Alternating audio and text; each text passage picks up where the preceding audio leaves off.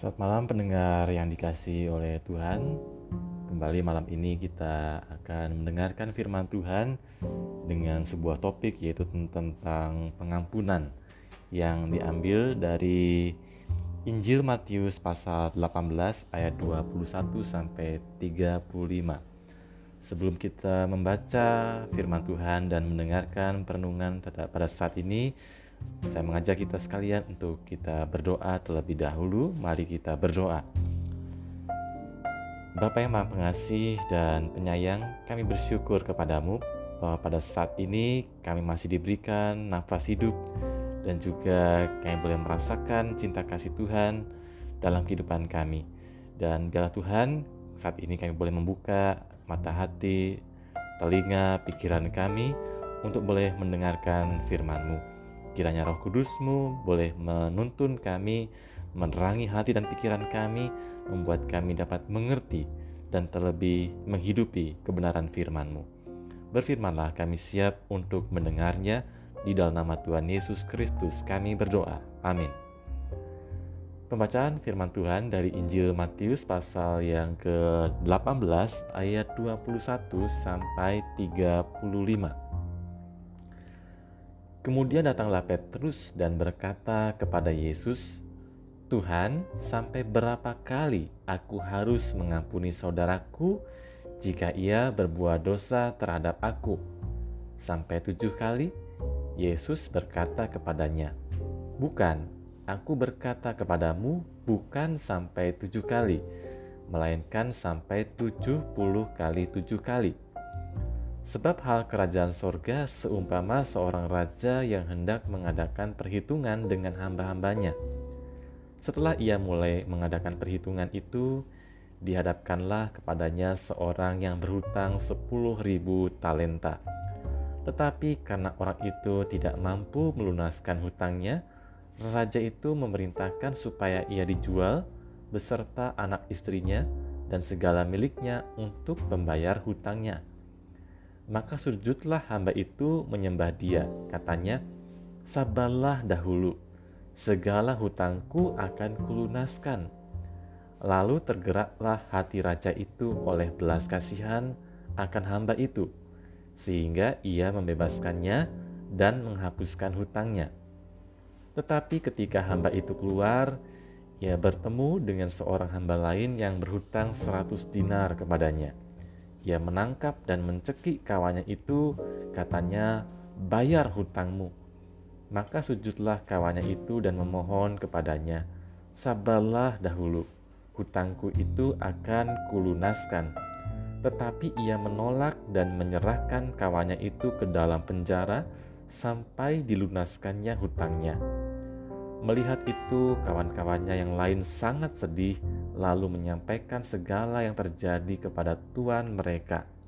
Raja itu menyuruh memanggil orang itu dan berkata kepadanya, "Hai hamba yang jahat, seluruh hutangmu telah kuhapuskan, karena engkau memohonkannya kepadaku. Bukankah engkau pun harus mengasihani kawanmu seperti aku telah mengasihani engkau?" Maka marahlah tuannya itu dan menyerahkannya kepada Algojo-Algojo sampai ia melunaskan seluruh hutangnya. Maka Bapakku yang di sorga akan berbuat demikian juga terhadap kamu apabila kamu masing-masing tidak mengampuni saudaramu dengan segenap hatimu. Demikianlah pembacaan Injil Tuhan kita, Yesus Kristus yang berbahagia adalah setiap kita yang mendengar dan yang melakukannya. Pendengar yang terkasih dalam Tuhan, setiap orang dapat mengontrol sikap, perilaku, perkataan, pilihan, dan keputusan yang mau ia ambil dan jalani. Tetapi ia tidak dapat mengontrol peristiwa, sikap, perilaku, perkataan, dan tindakan orang lain terhadap dirinya. Ada kalanya peristiwa-peristiwa tertentu, sikap, perilaku, perkataan, dan tindakan orang lain membuat hati kita terluka. Kita merasa dada kita sesak saat mengingat kembali peristiwa tersebut. Apalagi bila orang yang membuat kita mengalami luka adalah orang yang paling dekat dengan kita, orang yang kita percayai, orang yang kita pikir tidak mungkin akan mengkhianati kita. Dalam Perjanjian Lama ada kisah Yusuf. Yusuf yang dijual oleh saudara-saudaranya. Yusuf yang mengalami luka dari pihak saudara-saudaranya. Tetapi juga saudara-saudaranya mengalami luka karena Yusuf yang masih muda itu begitu arogan dan terkesan menyombongkan dirinya sebagai anak kesayangan bapaknya. Tidak seorang pun tahu bahwa bahkan saudara-saudara Yusuf pun dan juga orang tuanya bahwa di Mesir Yusuf akan menjadi orang yang berkuasa. Bencana kelaparan membuat keluarga Yusuf yakni saudaranya datang ke Mesir untuk membeli gandum guna menyambung hidup mereka dan juga ayah mereka. Yusuf mengenali siapa mereka, namun tidak dengan saudaranya. Barulah mereka mengenali Yusuf saat Yusuf memperkenalkan dirinya kepada mereka. Saudara-saudaranya menjadi takut kalau-kalau Yusuf membalaskan perbuatan jahat mereka. Terlebih saat Yakub ayah mereka mati. Namun dugaan mereka keliru. Yusuf justru mengampuni mereka. Bahkan menjamin kehidupan mereka serta anak-anak mereka. Yusuf yang dewasa yang menjadi orang penting di Mesir berbeda dengan Yusuf muda dahulu di rumah ayahnya.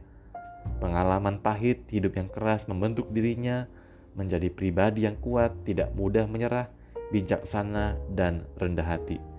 Yusuf juga tidak membiarkan pengalaman luka-luka masa lalunya membelenggu dirinya Sebaliknya, dia mengakui hal itu, kemudian mengelolanya, dan kemudian mampu memberikan makna secara baru bahwa memang saudaranya telah mereka-rekakan yang jahat terhadap dirinya, tetapi Tuhan telah membuat itu menjadi suatu kebaikan, yaitu demi memelihara suatu bangsa yang besar. Petrus dalam kisah Injil kita pada saat ini bertanya kepada Yesus masih terkait soal pengampunan, Ye Petrus bertanya pada Yesus, Yesus sampai berapa kali aku harus mengampuni saudaraku jika ia berbuat dosa atau salah kepadaku? Apakah sampai tujuh kali? Yesus menjawab, bukan sampai tujuh kali, melainkan sampai tujuh puluh kali tujuh kali. Apa maknanya? Biasanya pengampunan diberikan sampai batas maksimal tiga kali, tetapi Petrus menambahkan sampai tujuh kali. Maka hal ini sesungguhnya telah menunjukkan suatu kelapangan hati Petrus untuk memberikan pengampunan lebih daripada kebiasaan orang pada umumnya. Tetapi rupanya Tuhan meminta Petrus mengampuni lebih dari tujuh kali, yakni tujuh puluh kali tujuh kali. Apa maksudnya? Maksudnya adalah pengampunan tanpa batas. Dasar dari pengampunan yang kita berikan adalah karena sesungguhnya kita lebih dulu telah diampuni oleh Allah yang kasihnya tidak terbatas. Inilah yang Yesus katakan dalam sebuah perumpamaan mengenai orang yang berhutang 10.000 talenta yang dibebaskan hutangnya oleh raja. Tetapi sayang, begitu ia melihat kawannya yang berhutang padanya 100 dinar, suatu jumlah yang sangat kecil bila dibandingkan dengan hutang yang sudah dihapuskan itu. Ternyata ia bertindak tanpa belas kasih. Ia menjerumuskan kawannya yang berhutang hanya 100 dinar itu ke dalam penjara.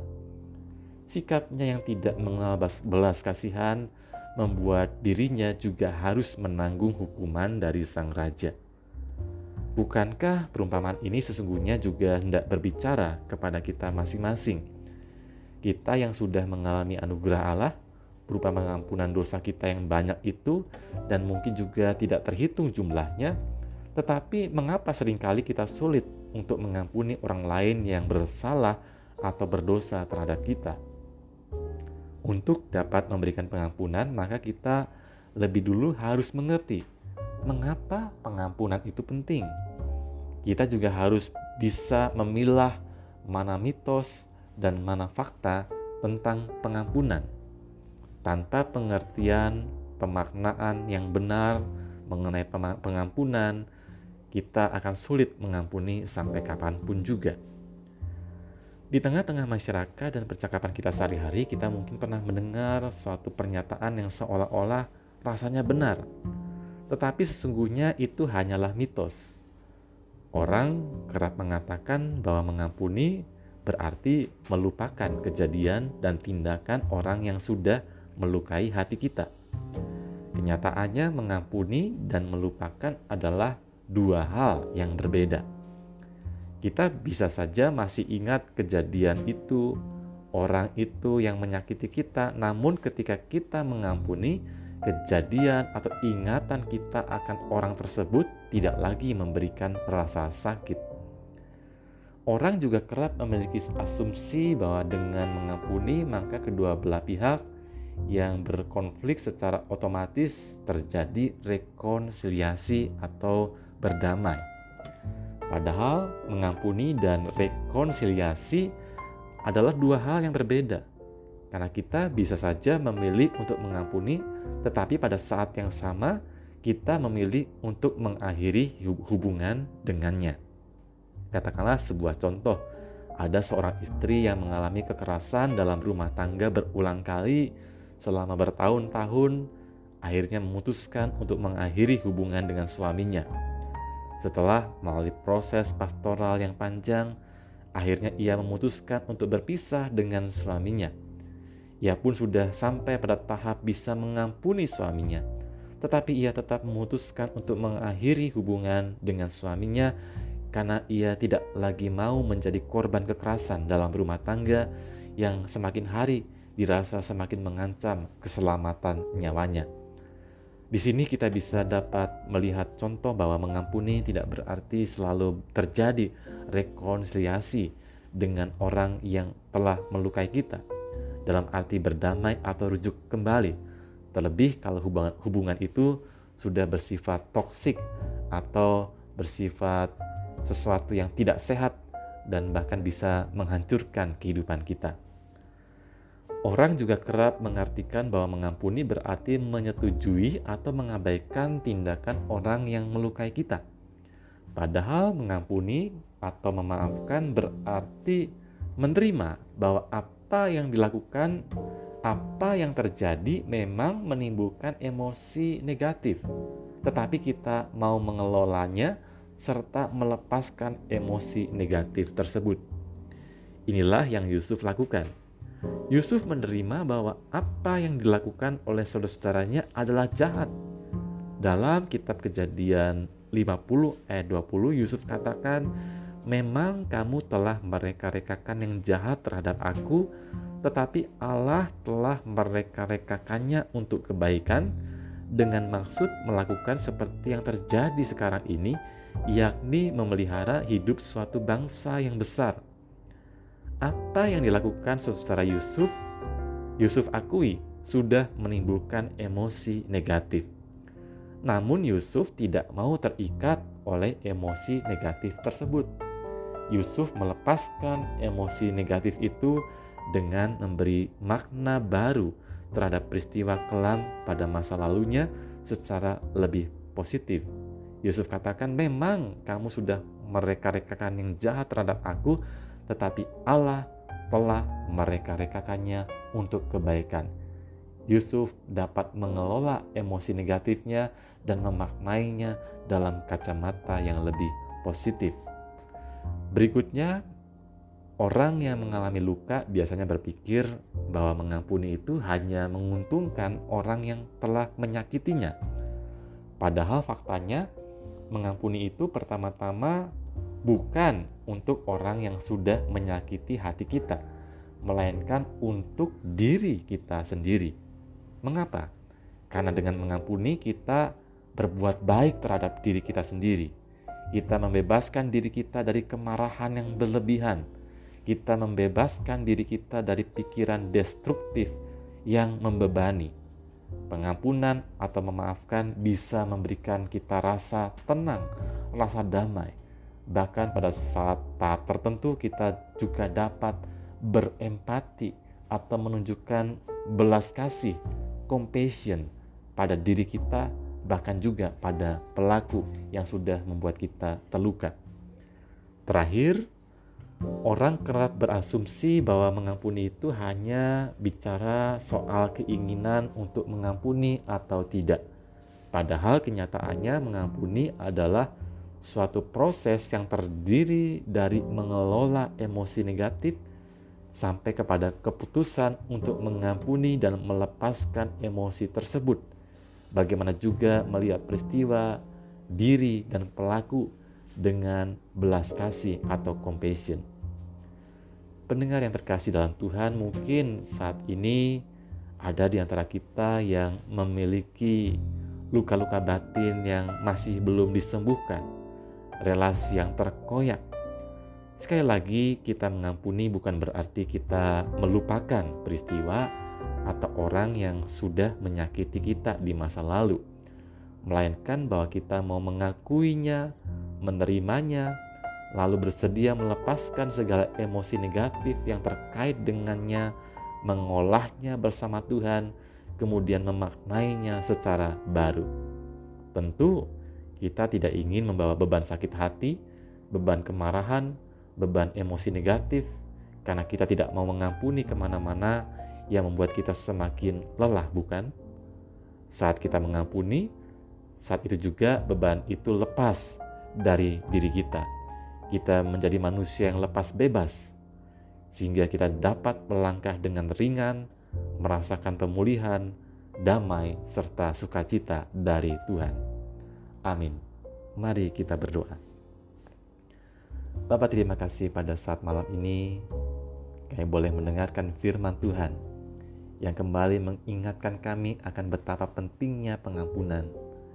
Kami tidak ingin dibelenggu oleh sakit hati, oleh kemarahan, oleh hawa nafsu membalas orang-orang ataupun peristiwa yang sudah melukai kami. Kami menyadari kami tidak bisa mengontrol kejadian peristiwa atau bahkan mengubahnya kembali peristiwa yang sudah terjadi di masa lampau. Tetapi tolong kami untuk dapat memaknainya secara baru.